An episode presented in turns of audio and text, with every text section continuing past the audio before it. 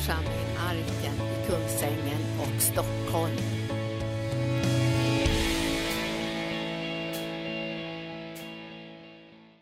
Halleluja! Så underbart att vara här, möta er allesammans. Vilken fantastisk inledning. Ja men vad bra den var. Du vet när jag var i Afrika en av de första gångerna så predikade jag i 20 minuter, eller 25. Och det tog lika lång tid att tolka det. Och jag tänkte vad bra det här gick alltså. Och då kom den lokale pastorn till mig och sa, kan du inte predika längre? Då har vi ingen användning för dig här. Då kan du åka hem igen. Ja men sa jag, det, vi har ju hållit på faktiskt i en timma. Ja, sa han, det kan väl vara, men det finns de som har gått i åtta timmar för att få höra evangelium. Och så ger du dem en ynklig timme. Och då tänkte jag när jag kom hem till Sverige, nu vet jag precis vad jag gör för fel. Så jag tänkte, jag ska inte nämna kyrkans namn, men, men jag tänkte då ska jag predika lite längre. Men då var jag ju i Sverige och då var det någonting annat som hände. För då sa den svenska pastorn, måste du predika så länge då kan du åka hem, för vi har bara 20 minuter lång predikan här. Och, och det är ju lite märkligt alltså. Men eh, så jag, jag gillade din inledning. Tack. Tack så mycket. Hörrni, vi ska läsa Guds ord med varandra. Eh, när jag hörde lovsången här så gick mina tankar till Uppenbarelseboken. Där står det exempelvis om lovsången, om lammet på Sions berg, det fjortonde kapitlet exempelvis. Där de sjöng sitt halleluja till kungars kung och herrars herre. Och läser vi hela den boken så möter vi mycket av lovsång från den frälsta skaran. De som har tagit emot Jesus på den här jordesidan. Och det är faktiskt här på jordesidan som vi tar emot Jesus. Och därför är det så viktigt att verkligen öppna sitt hjärta för Herren. Men vi ska gå till Johannes evangeliet igen. Men inte läsa det första kapitlet utan det andra. Och läsa bara några få verser där med början av den första versen. Det finns någonting i det här kapitlet som jag tycker är något av en aha-upplevelse. När man verkligen börjar få tag på vad egentligen den här berättelsen handlar om. Det handlar om när Jesus förvandlar vatten till vin. En del använder den berättelsen för att rättfärdiga sitt vindrickande. Det är inte det det här bibelordet handlar om. Utan det handlar om någonting annat. Det handlar nämligen om det nya, fräscha vinet som vi kallar frälsningens gåva. Och jag tänker undervisa en liten stund om det. Så här står det. På tredje dagen hölls ett bröllop i Kana i Galileen. Och Jesu mor var där. Också Jesus och hans lärjungar blev bjudna till bröllopet. Och vinet började ta slut. Då sa Jesu mor till honom, de har inget vin. Jesus svarade henne, låt mig vara mor, min stund är ännu inte kommen. Hans mor sa då till tjänaren, vad helst han säger till er, det ska ni göra. Nu stod där sex stenkrukor, sådana som judarna hade för sina reningar. De rymde två eller tre bat mot var och Jesus sa till dem, fyll krukorna med vatten. Och de fyllde dem ända till bredden. Sen sa han till dem, ös nu upp och bär till övertjänaren. Och de gjorde så. Och övertjänaren smakade på vattnet som nu hade blivit vin. Och han visste inte varifrån det hade kommit. Vilket däremot tjänarna visste, de som hade öst upp vattnet. Då kallade övertjänaren på brudgummen och sa till honom, man brukar alltid sätta fram det goda vinet först. Och sedan när gästerna har fått för mycket, det som är sämre. Du har gömt det goda vinet ända tills nu. Det är egentligen en oerhört spännande berättelse som Johannes skriver ner i sitt andra kapitel. Det handlar ju som jag sa om ett bröllop i den då väldigt lilla stan eller byn Kana. Ett bröllop på den här tiden det kunde hålla på en hel vecka. Och det märkliga var att om man var i en stad som Kana och ett bröllop skulle hållas så var alla inbjudna.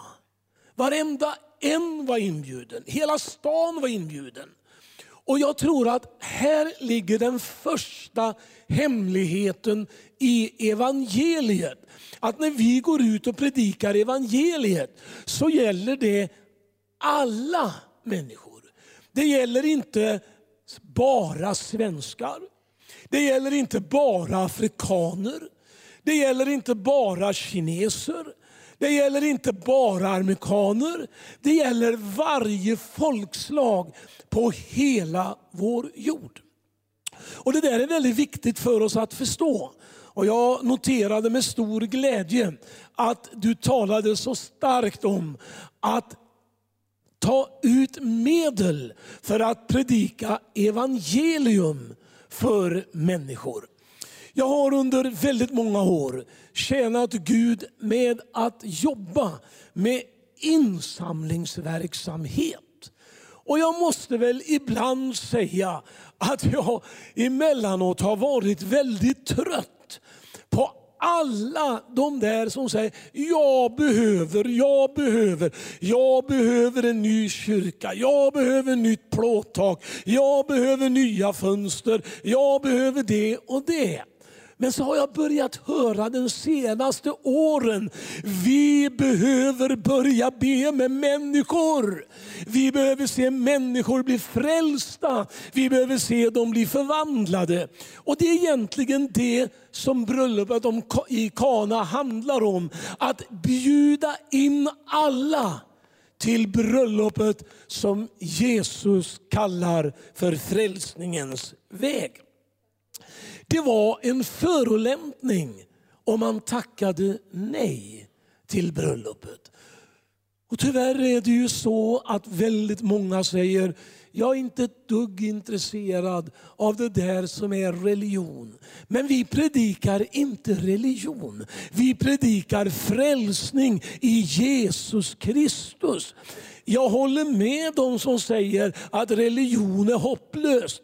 Det är verkligen hopplöst. Och jag tänker mig att Linda som har studerat massor av religioner åt alla möjliga håll och kanter, det är ganska hopplöst. Men så börjar vi få tag på Jesus eh, och få tag på hans frälsning. Då börjar vi uppleva det är hoppfullt att predika budskapet om Jesus Kristus. Och Det är därför vi behöver förstå att vi är, precis som Linda säger här, ambassadörer för den himmelska världen.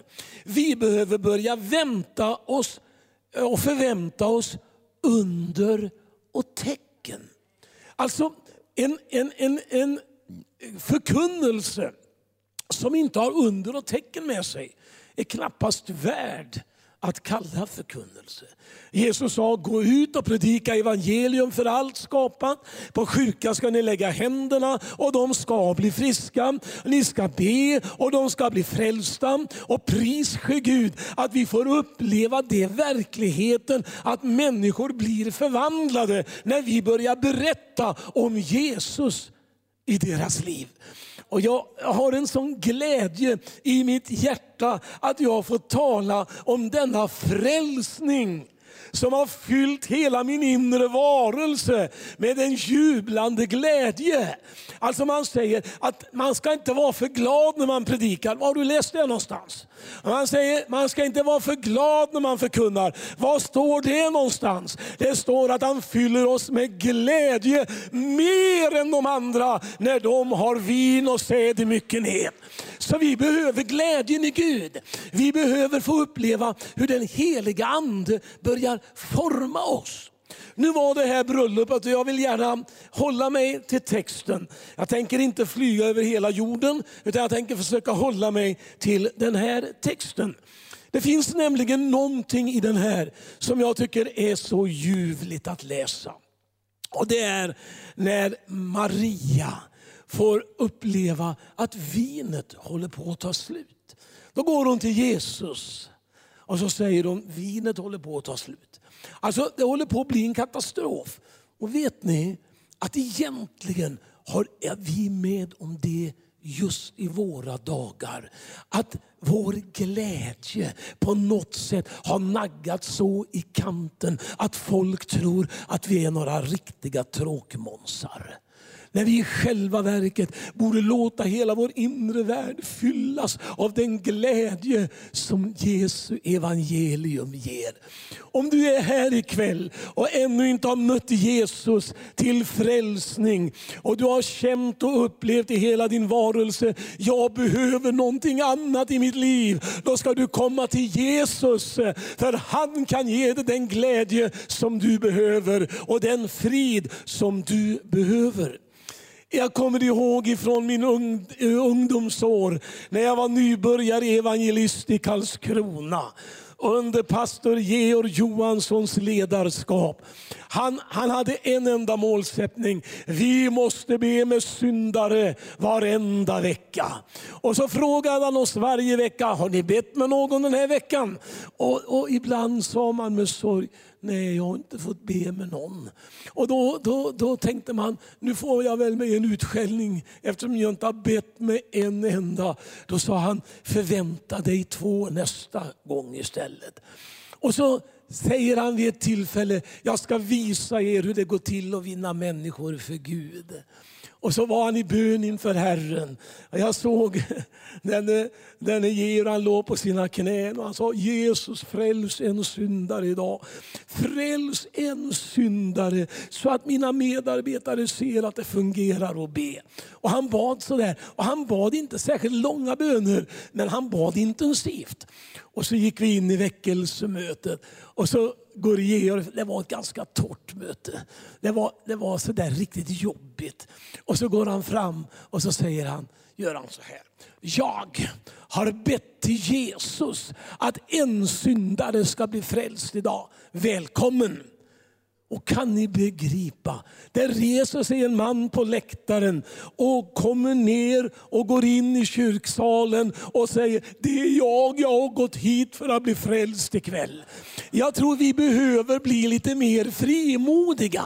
Alltså vi tror att människor är så ointresserade, men vi vågar ju knappt bjuda dem fram till Jesus. Och, och, är du här ikväll som ännu inte är frälst ska du veta att Jesus han vill inget hellre än att fylla dig med en sån där jublande glädje som gör att du knappt kan sitta stilla. Alltså jag längtar efter sådana möten där vi blir fyllda. Men det andra som jag vill tala om också, det är när, när de här eh, ska fylla krukorna så säger de eh, att fyll krukorna med vatten. Och det var inte vilka krukor som helst. Utan det var sådana krukor som de använde för att rena sig. Och när jag gjorde en av mina resor till Israel så bad jag guiden Jon Lindqvist. Hör du Jon, kan du försöka hitta eh, några sådana där käril som de har och jag berättar om den här texten. Så jag vill gärna se hur de ser ut. Och när jag kom ner nästa gång till Israel så sa han, kom, ska, kom med mig, jag ska visa jag vet precis var de finns. Och så gick vi in i en gård bakom en liten bön, böner, bönerum kanske man ska säga det var. Och, och, och så sa han, ser du de där krukorna? Det är sådana där krukor. Det är sådana där krukor för rening. Och jag gick och tittade på dem och plötsligt började den heliga ande tala till mig. För vet ni vad jag såg? Jag såg krukor som var kantstötta. Jag såg krukor som hade lite smutskant runt omkring sig. De var ju använda för, som reningskärl. Jag såg krukor som var krackelerade i sin glasyr.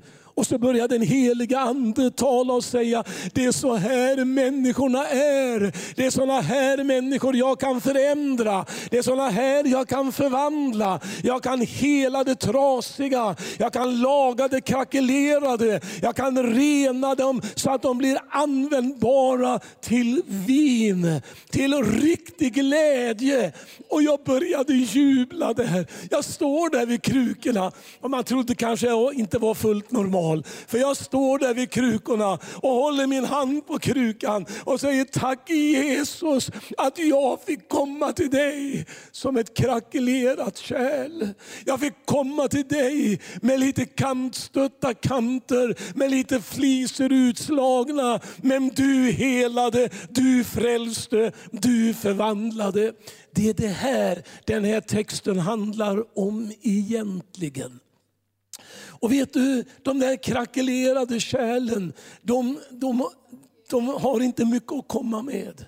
Alltså, vi har inte mycket att komma med. Vi kan inte säga Jesus, nu kommer jag till dig och jag är den av de bästa du någonsin har frälst i hela, under hela din existens Jesus. Det går inte att säga så, därför att vi är alla syndare i behov av frälsning, i behov av Jesus. Vi behöver säga Herre, jag kommer men jag har ingenting att komma med. Och då säger han, det är bra, men jag har någonting att ge dig. Och så kommer han med frälsning, med rening, med blodets glädje. Och så börjar det jubla inom oss. Är det inte det du längtar efter? Lite jubelsång, lite, lite lovsång där inne. Vet du, vi behöver uppleva en sån frälsningsfröjd så att vi jublar mitt i natten. Jag fick en, jag fick en eh, underbar mail ifrån en av mina kära bröder som har rest med mig i många, många år. Eh, det är gospelbröderna från Karlskrona, Kalle och Toje. Och vad de har varit med mig mycket och vad mycket gott de har gjort. Och så berättade Toje, han skrev, eh, jag tyckte det var lite jobbigt ibland när vi bodde i samma rum. För jag ville sova och du du, du, du predikade inte bara på kvällen, utan du predikade i sömnen. Och du bad inte bara på kvällen, utan du bad i sömnen. Så jag fick ju aldrig någon, någon sovro precis. Ja men käre gode Gud, det var ju det som var frälsningsglädjen. Det var ju det som formade mitt liv. Och ska människor i vårt land bli befriade ifrån narkomani, ifrån smuts och synd, behöver de en frälsningsfröjd som som lyfter fram dem också i det undermedvetna. Mitt när de sover behöver de en kraft som talar igenom deras liv och så får de bli till en underbar välsignelse. För om ingen annan hör dem så hör Satan när de prisar Gud i sömnen. Då hör djävulen den där är ingen idé att försöka skjuta på, för det går inte att göra någonting åt honom. Vi behöver få uppleva ett folk som är ett jublande och lovprisande folk. Halleluja förstår du. Det, det, det, det är fantastiskt när Gud kommer och färde. Och de här krukorna de renades och de helades. Låt mig ge dig några exempel som jag tycker är så fantastiskt. Du vet att Kommer du ihåg, kommer du ihåg eh, exempelvis lärjungen Petrus? Han som var, kände sig så stark. Åh, vad stark han kände sig. Om alla andra överger dig ska jag inte göra det. Och Jesus säger, för en haden har galt tre gånger har du redan tre gånger hunnit förneka mig. Petrus tänker, Jesus, nu pratar du i nattmössan. Men ändå kommer stunden där. Men kommer du ihåg vad Jesus sa? När du en gång har omvänt dig, styrk dina bröder. Förstår du vad Jesus hade för syn på Petrus? Jesus visste Petrus, jag älskar dig, jag tycker om dig. Men jag vet att du är en svag människa. Jag vet att kärlek kommer att brista. Men jag vet också att det finns en kraft i mitt namn som ska rena dig och hela dig. Och så ska du vara där och styrka dina bröder och du ska predika evangelium.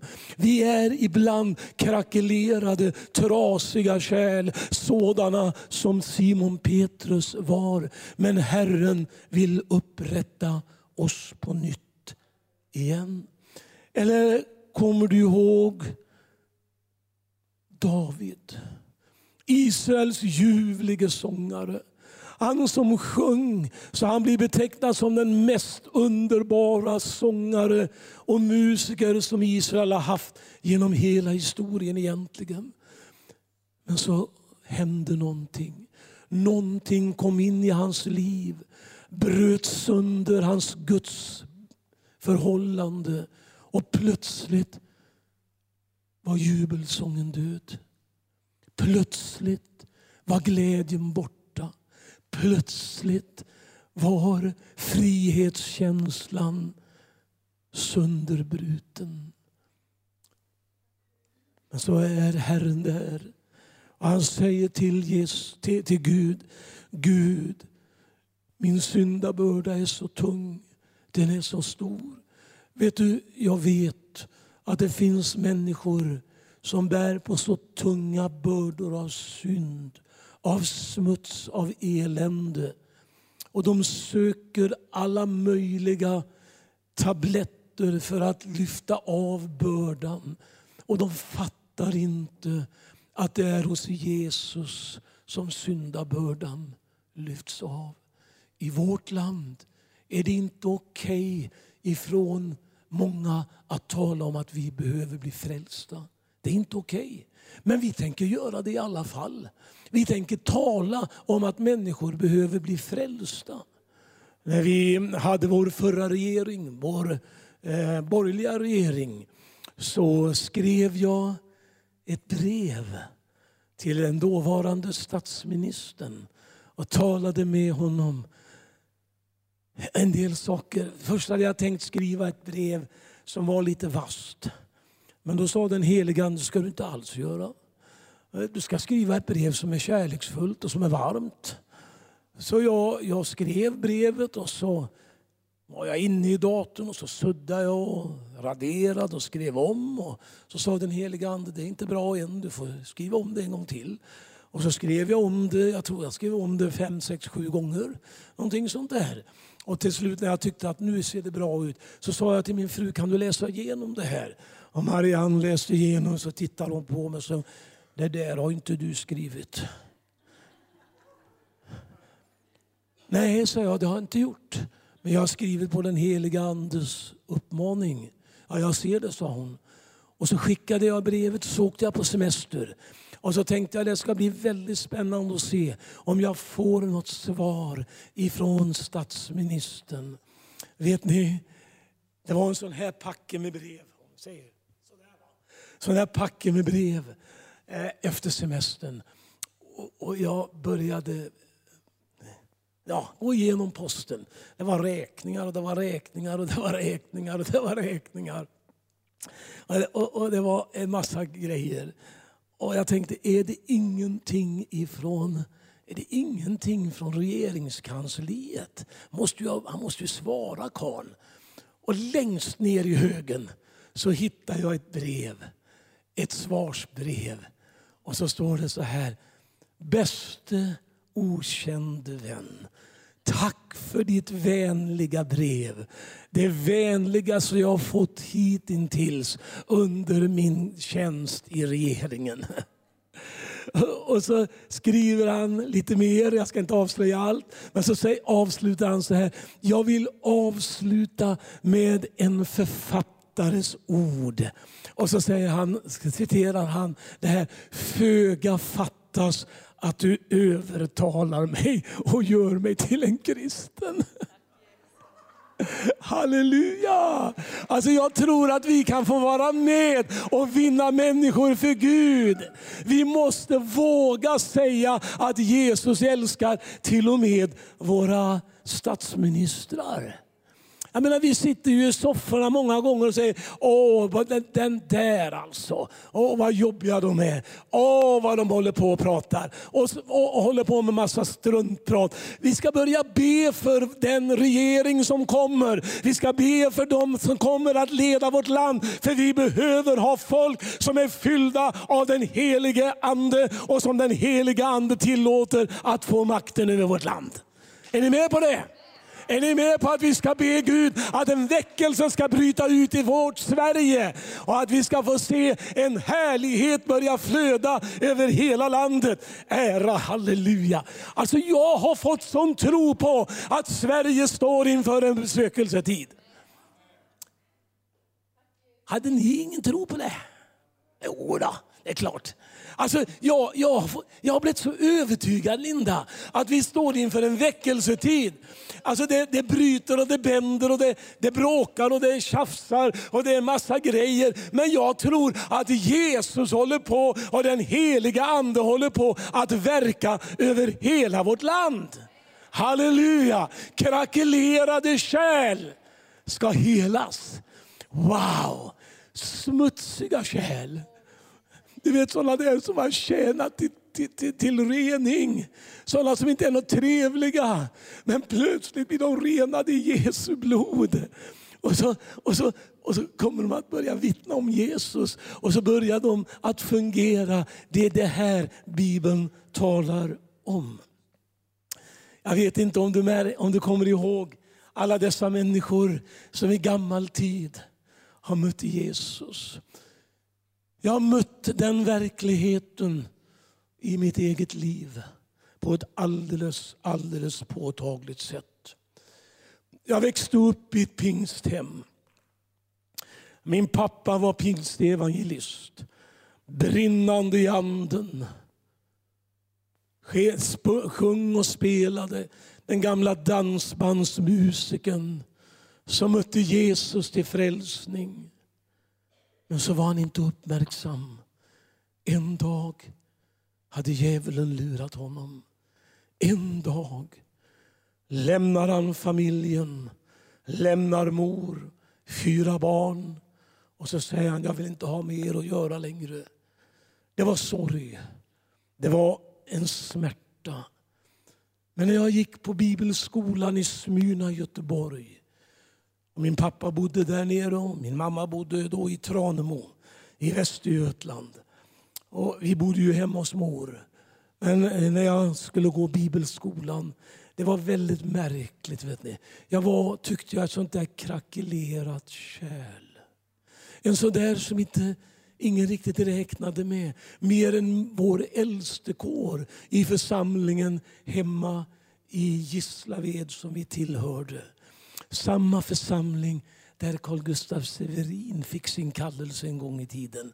Och inom parentes så var jag där och höll en väckelsekampanj. Och jag går fram till den då 17-årige Carl Gustaf Severin och säger i framtiden ska du tjäna Gud i Ryssland. I framtiden ska du tjäna Gud och du ska bygga många Guds församlingar. Så varje gång han ser mig så han, där sitter min andlige far. Men hur som helst, eh, det, det, jag vill återvända lite grann till det som hände. När jag kom till Göteborg så eh, hade nog min far gärna velat att jag skulle bo hos honom. Men det gick liksom inte, det funkade inte riktigt. Och jag bodde borta på en stadsdel som heter Majorna. Och där bodde jag hos en man som var blind, men som var en bedjare. En underbar broder. Och så höll vi på där liksom och vi gick på bibelskolan. Och så kom min pappa och han kom eh, emellanåt och sa han, eh, när jag skulle vara färdig liksom, eller skulle vara, jag skulle ut på fältet. Så sa han, du kan ju inte se ut så där. Du förstår nu när du ska gå ut och tjäna Gud, då måste du vara lite prydligt klädd alltså. Alltså jag måste köpa dig några stycken vita skjortor och några snygga slipsar. Och så måste du ha en mörk kostym. Och så måste du ha en predikobibel. Och så måste du ha en segertoner. Han visste vad som, vad som behövdes alltså. Och han köpte alltihopa. Och han var så stolt. Men när vi går hem ifrån den där ekiperingsaffären så stannar han plötsligt. Och så börjar tårarna rinna. Och så säger han, Birger, nu får du ta upp den mantel som jag har kastat efter vägen. Mig är det ingen idé du tänker på mer. Därför att jag kan ändå aldrig bli förvandlad. Jag är ändå en syndare, eller med andra ord ett trasigt kärl. Jag, sa, jag stod där nästan som förstenad och sa, pappa, jag kan inte ta din mantel. Jag kan inte bära din kallelse. Du måste själv ödmjuka dig och gå tillbaka till stället där det gick sönder och börja på nytt igen. Min pappa tittade på mig, skakade på huvudet. Det är omöjligt, sa han. Det går inte. Vi fick hålla på och be för honom i år efter år. Faktum är att vi bad i 25 år innan han blev frälst. Men då hade Gud sin underbara klocka. Vet ni, jag blev kallad som pastor till pingsförsamlingen i Hässleholm. Jag hade ingen aning om att min far hade flyttat dit, bara något år tidigare. Och när han får öppna tidningen en dag, en vardag, en måndag var det, då han öppnade tidningen som heter Norra Skåne så står det pingstförsamlingen hälsar ny pastor välkommen. Och han tänker, vem kan det vara? Och så bläddrar han och till sin stora förskräckelse får han se att det är hans son som ska bli pingstpastor där han var nöjespappa. Så han ringer till min syster och så säger han till min syster Margareta, det här är fruktansvärt. Du förstår, nu kommer Birger hit och han ska vara pingstpastor här och jag nöjespappa. Hur i all världen ska det här gå? Och han visste inte hur det skulle gå, men Gud visste hur det skulle gå. Och en dag så ringer han mig och säger, kan du komma ut till min villa? Jag behöver prata med dig. Och jag kommer ut och så böjer han sina knän vi ber om frälsning, ber om rening, ber om upprättelse och ett krackelerat kärl helades igen. Mina vänner, kanske talar jag till någon som känner sig som ett trasigt kärl. Du tänker Gud kan nog aldrig bruka mig. Jag vill säga dig en gång för alla, om du bara säger Herre, här är jag, rör vid mig, så kommer himlens Gud att börja använda dig på nytt igen. Även om det har gått sönder så fruktansvärt att du själv tror att det aldrig går att reparera. Men jag säger det en gång till, om du bara låter Jesus ta hand om dig kommer du att bli helt underbart förvandlad och du kommer att säga, tänk att han kunde laga de stora trasorna i kärlet. Jag såg igår kväll, ett lit, eh, kanske var i förrgårs kväll förresten, ett program, sånt här antik, ni vet antikprogram. Och jag tycker de är ganska intressanta. Nu kom det en kvinna. Hon hade med sig en kruka. Och hon ville få den värderad. Den var sprucken i botten. Så värderingsman sa, den är inte så värdefull tack vare den där sprickan. Jag tänkte när jag hörde det, det är precis hur världen ser och hur djävulen predikar för dig. Du är inte värdefull för du har gjort det och det och det och det. Du kan aldrig bli fri för du har handlat si eller så. Och du har sagt och du har tyckt si eller så. Men så du, när Herren helar, då helar han så fullständigt så han skapar någonting helt nytt. Han skapar någonting nytt i dig. Om det skulle vara söndersprucket så när Jesus har berört dig så finns inte sprickan längre. Den är reparerad för du är född på nytt. Det är det som är frälsningens underbara hemlighet. Du är född på nytt till ett levande hopp. Och det, du må ha upplevt vad som helst. Vet ni, jag har en, jag har en märklig brevkontakt. Jag ska inte säga hans namn. Jag vet bara att han är dömd, sitter i fängelse och är dömd för ett mycket grovt brott. Han har egentligen ett livstidsstraff. Men han skrev till mig av en absolut speciell anledning. Någon hade skickat in en Hemmets vän till honom. Ni vet tidningen från Örebro. Och han börjar läsa och så kommer nästa vecka och så kommer en ny tidning och en ny tidning och en ny tidning. Och han börjar läsa och rätt vad det är så fastnar han för den där spalten av bönämnen som jag har haft ansvar för i nu över tio år. Och så skriver han och säger, finns det hopp för mig? Det var underbart att få skriva tillbaka och säga att det finns hopp för dig. Han hade berättat inte då med detsamma vad som hade hänt. Men jag kände i min ande att det här är någonting så allvarligt, någonting så djupt tra tragiskt i hans liv. Så jag skriver, om era synder än är blodröda kan de bli vita som vitaste snö. Och jag skriver allt det där underbara. Och det dröjer inte lång tid för nästa brev kommer där han tackar tackar för undervisningen. Och så går det ytterligare något år och så får jag bilder där han blir döpt i Pingstkyrkan i, i, i Härnösand där han vistades. Där blir han döpt tillsammans eh, som vakter står runt omkring för att han skulle få bli döpt. Eh, I ett enskilt möte blir han döpt och förvandlad. Halleluja! Och vet ni vad han skriver? Jag blev döpt i den heliga Ande när de sänkte ner mig i dopvattnet och det bubblade under vattnet. För jag talade i tungor under vattnet också. Pris ske Gud. Det finns en sån upprättelse. Det finns en sån upprättelse. Och jag vågar lova dig att om du säger till Jesus, Jesus jag kommer med alla mina krackelerade eh, områden, hur hjärtat än ser ut så kommer jag till dig. För jag vill bara bli förvandlad. Och du kommer att bli förvandlad och förändrad. Jag ser framför mig den här kvällen hur Jesus bara kommer att förändra och förvandla din vardag på ett alldeles härligt och fantastiskt sätt. Min pappa blev frälst. Jag glömmer aldrig den där nyårsafton innan han blev frälst. Ett par, tre år innan han blev frälst. Han hade sagt till mig, jag har varit med på många av dina möten. Kan inte du gå med mig och se hur jag har det någon gång? Vad jag gör? Så jag var tvungen att gå upp till min bibelskoleledare och sa, kan jag verkligen gå till hans dansföreställning?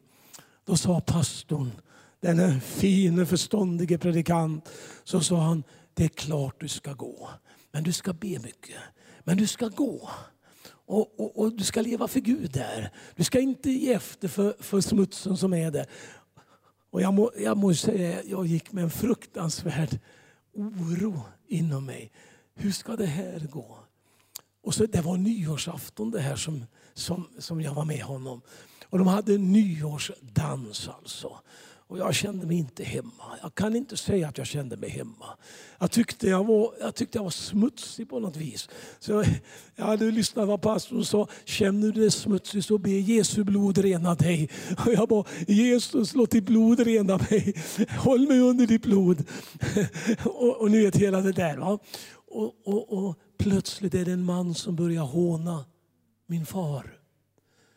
För när han fem minuter före tolvslaget ställer ner dragspelet och så ska han hålla ett litet tal.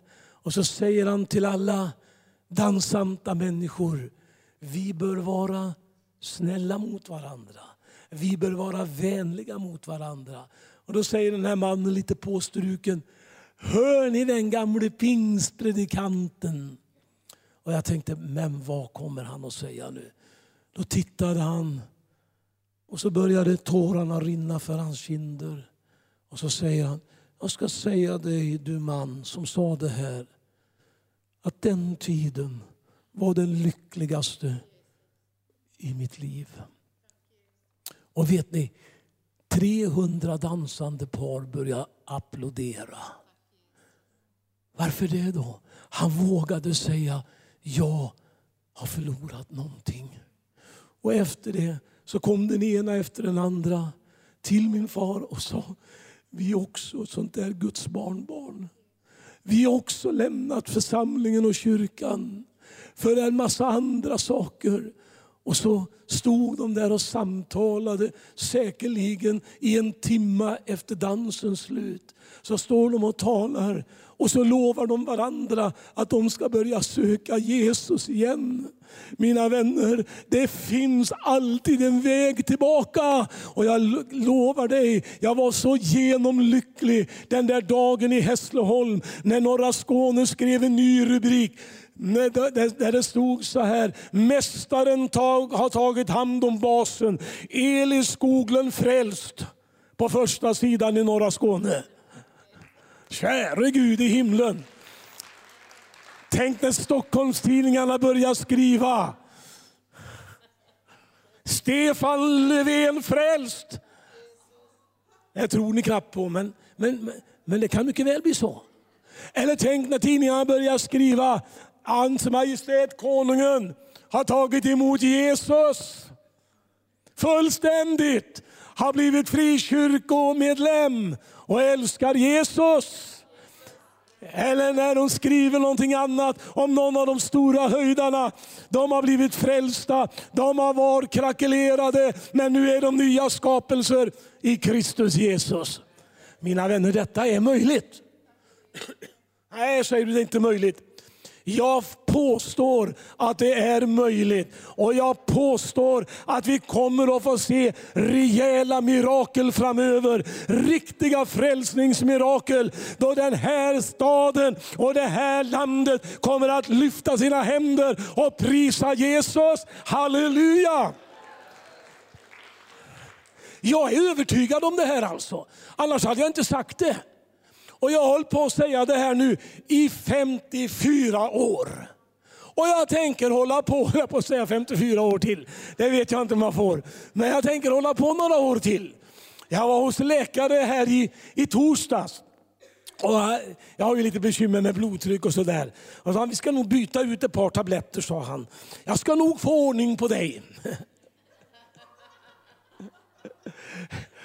Och så frågade han vad jag, vad jag skulle göra. Jag sa, ja, men jag, jag, jag har det och det och det och det. Och det. Gosse sa han, egentligen behöver jag inte ge dig någonting, för du behöver lugna ner dig istället. Men jag sa, det är fullkomligt omöjligt. Jag predikar evangelium, jag talar om Jesus och det behöver hela världen ha. Och läkaren nickar och säger, jo men det är sant, det är sant, det är sant. Och så, och, och så när han har sagt att jag ska nog få ordning på dig, då säger jag, ja jag kanske lever några år till då. Nu sa han, du lever säkert minst tio år till. Halleluja! Alltså, alltså vi måste våga tro att Gud vill använda oss och bruka oss. Ära, halleluja. Du säger, ja, men jag är gammal nu. Jag sitter i den religiösa gungstolen och gungar fram och tillbaka och tänker, gode Gud, om det ändå snart är himmelsfärd. Sluta larva dig. Börja säga till Jesus, Jesus, jag vill vara med och tjäna dig i den här tiden. Ära, halleluja. Alltså, Alltså det går inte att vara som en hängande trött lilja. Vi måste vara blomstrande i vår ande. Prisad vare Herren! Oh, alltså jag, jag, jag, jag, bara vet att det här ska hända. Alltså. Och därför predikar jag som jag gör. Och de får säga vad de vill. Någon säger Birger Skoglund, han är hopplös. Han är en typisk evangelist som bara blåser på. Han bryr sig inte ett skvatt om det som händer runt omkring honom. Han bara blåser på. Ja, tack och lov. Jag har bestämt färdväg. Jag har sagt mitt val är gjort. Jag tillhör dig, min frälsare och Herre. Och jag vill att du ska bli frälst. Jag vill att du ska smaka det jag har fått smaka. Jag vill att du ska få tag på försoningens verklighet. Jag vill att du ska få tag på blodets kraft. Jag vill att du ska bli frigjord. Jag vill att du ska jubla. Och framförallt vill Jesus det. Jesus vill det. Jesus vill det. Ja, säger någon. Men jag, jag tänker nog inte gå in i någon församling. Varför inte det nu då? Jo, säger någon, det är så mycket brister. Ja, men det är det ju med dig också. Och det är det med mig också. Alltså det brister med oss. Därför att vi är kärl som inte är fyllda.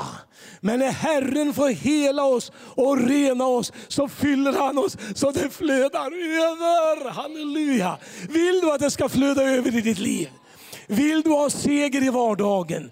Vill du bli av med bördorna? Vill du bli av med det tunga, med det jobbiga som har plågat dig natt och dag? Öppna ditt hjärta för Jesus och säg, Herre, här är jag, ta hand om mig. Jag talade lite grann om Karlskrona. Alltså det, det, det, är en tid som har kommit tillbaka till mig. Kanske beror det på att jag håller på att bli gammal eftersom ungdomsåren kommer tillbaka. Jag vet inte. Men i alla fall, eh, eh, den här broder Georg jag talade om, han, han säger så här i ett möte. Om du har ofrid med både Gud och gumman, då ska du lämna dig åt Jesus. Och ner kommer en kallskronit och säger, jag har ofrid med Gud och med gumman och med familjen. Be för mig.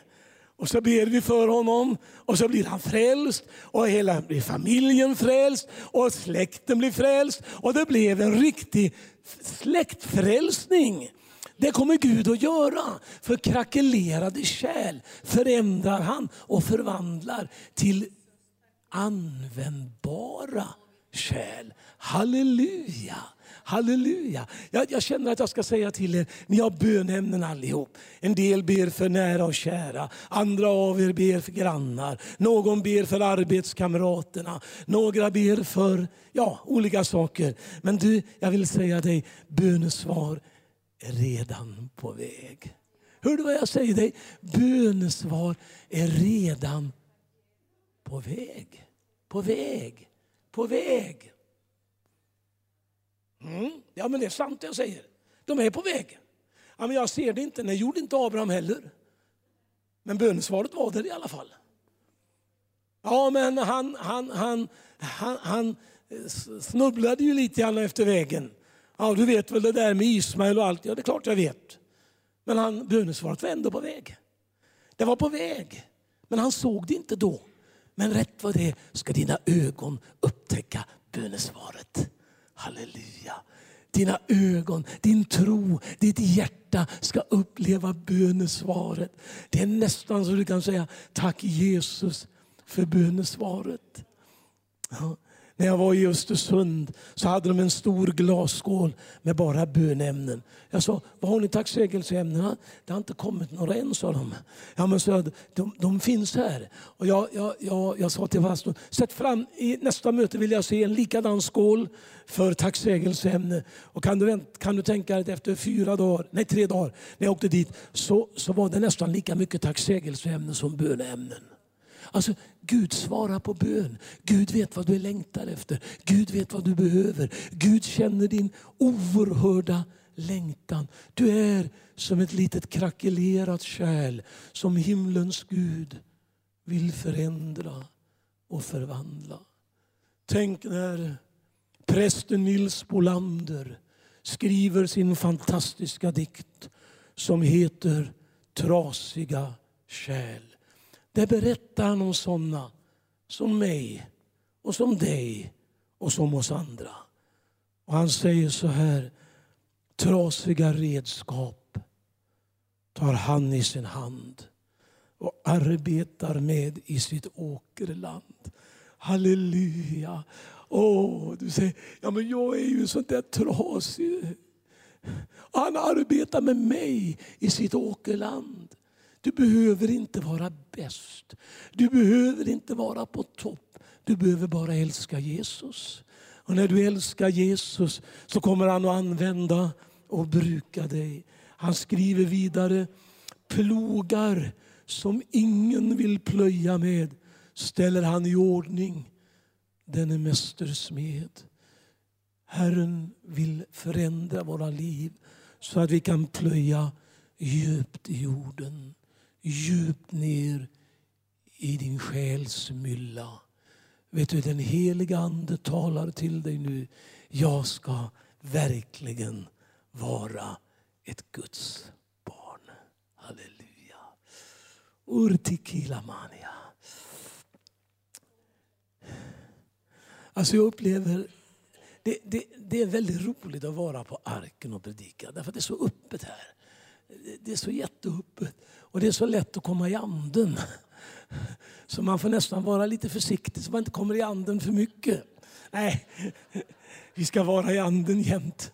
Men vet ni, jag upplever bara hur det finns, det finns ett speciellt sken. En speciell, ska jag säga, en speciell lyskraft över somliga som jag tror Gud vill hålla på med och göra någonting med. Och jag, jag tänker vara frimodig som jag brukar försöka vara. För jag ser denna väldiga ljusstråle, denna kraft över ditt liv, över din vardag, över din framtid, över det som du längtar efter. Jag ser ett par här nere. Ja, du tittar på henne. Det är er jag talar om. Jag ser bara ett underbart, ett underbart ljussken över er. Jag vet att Herren håller på och gör någonting av en fantastisk upprättelse. Jag vet inte vad det, beror, vad det är ni behöver, men jag bara känner att Jesus berör er på ett alldeles ljuvligt sätt. Tack och lov.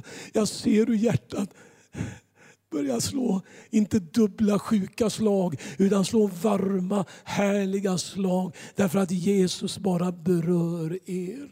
Halleluja.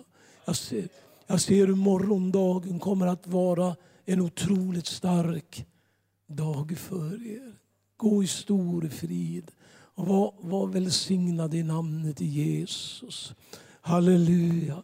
Jag ser denna underbara kraftkälla över så många människor här. Ser den över ditt liv. Jag vet inte vad du behöver, men jag ser ett ljussken ifrån himlen. Karantolamania. Som bara förändrar din vardag. Som förändrar hela ditt, ditt, ditt sätt att vara. Du bara kommer att börja jubla. Därför att Herren rör vid dig. Halleluja. Detta, detta sken ifrån den himmelska världen som ni längtar efter. Där sitter ett par. Du man som sitter där. Jag bara, oj, oj, oj. Jag bara ser en sårad hand som berör dig.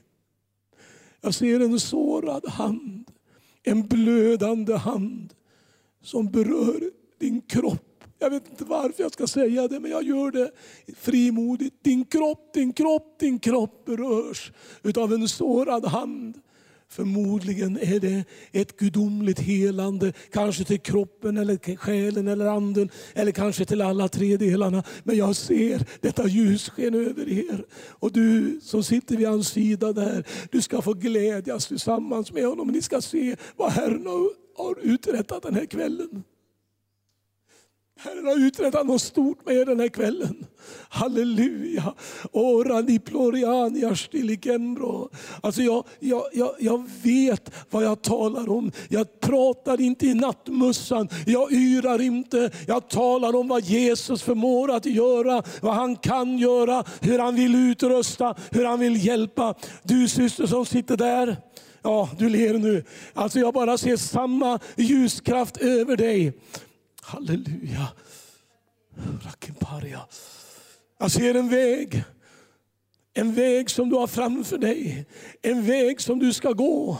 En väg som du ska uppleva seger och glädje ut i. Och du ska bara, bara prisa Jesus. Du ska få vara med och vinna människor för Jesus. Du ska få vara med och se hur krackelerade kärl blir upprättade och renade när du vittnar om Herren.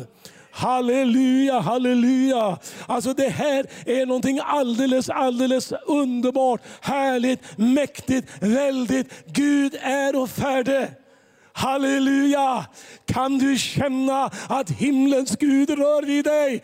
Och jag, jag, jag får en order av Herren att ta din hand. För så säger Herren, så som min tjänare tar din hand, så tar jag din hand. Jag räcker min högra hand till dig och jag går med dig. Jag styrker dig, jag bär dig, jag lyfter dig, jag, jag välsignar dig, jag gläder dig, jag fröjdar mig över dig, säger Herren. Och du ska fröjda dig i min kraft, för jag ska välsigna dig. Amen. Halleluja, himmelens Gud är här. Om inte jag vågar göra det här så har jag inte på en plattform att göra. Förstår du det? Halleluja. Herren bara rör vid dig.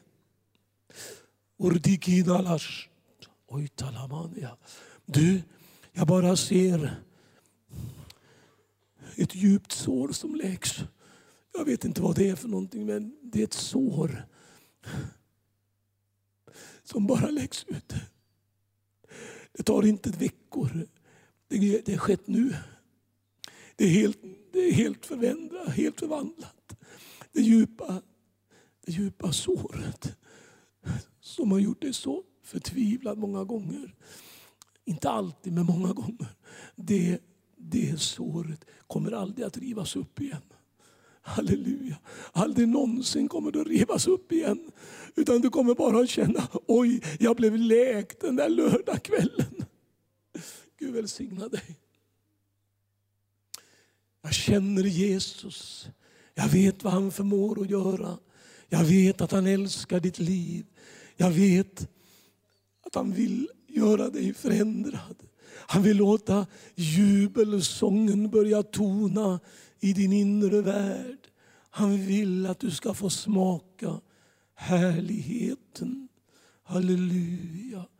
På samma sätt ser jag Guds heliga Ande. Jag känner inte dig heller. Egentligen är jag glad att jag inte känner så många vid namn. För då kan jag vara frimodig. Men jag bara ser att Herren öppnar en dörr som du tycker har varit helt igenbommad. Och du har tänkt, jag kommer aldrig igenom den här dörren. Jag har inte nyckeln till jag vet inte vad jag ska bära mig åt. Men nu säger Jesus, ikväll öppnar jag dörren. Ikväll öppnar jag dörren. Ikväll öppnar jag dörren. Halleluja. Var frimodig. Ära, halleluja. Jesus är mitt ibland oss och han bara välsignar oss med Andens kraft och liv. Krackelerade kärl. Ska vi börja prisa Jesus? Jag tror vi ska låta lov, lovsångarna gå upp. Ni sjunger era underbara sånger. Det är inte förbjudet att sjunga i anden. Det är tillåtet. Halleluja! Är det någon som vill bli frälst ikväll så kommer du bli frälst ikväll. Är det någon som vill möta Jesus ikväll kommer du få möta Jesus. Är det någon som vill få det krackelerade att, att bli helad så kommer du att bli helad. Alltså, du behöver inte vänta en endaste minut längre. Halleluja! Tack gode Gud i himmelen för vad du vill göra. Tack för att du har lyssnat. Vill du få del av mer information om församlingen Arken, vår helande tjänst, bibelskola och övriga arbete, gå in på www.arken.org.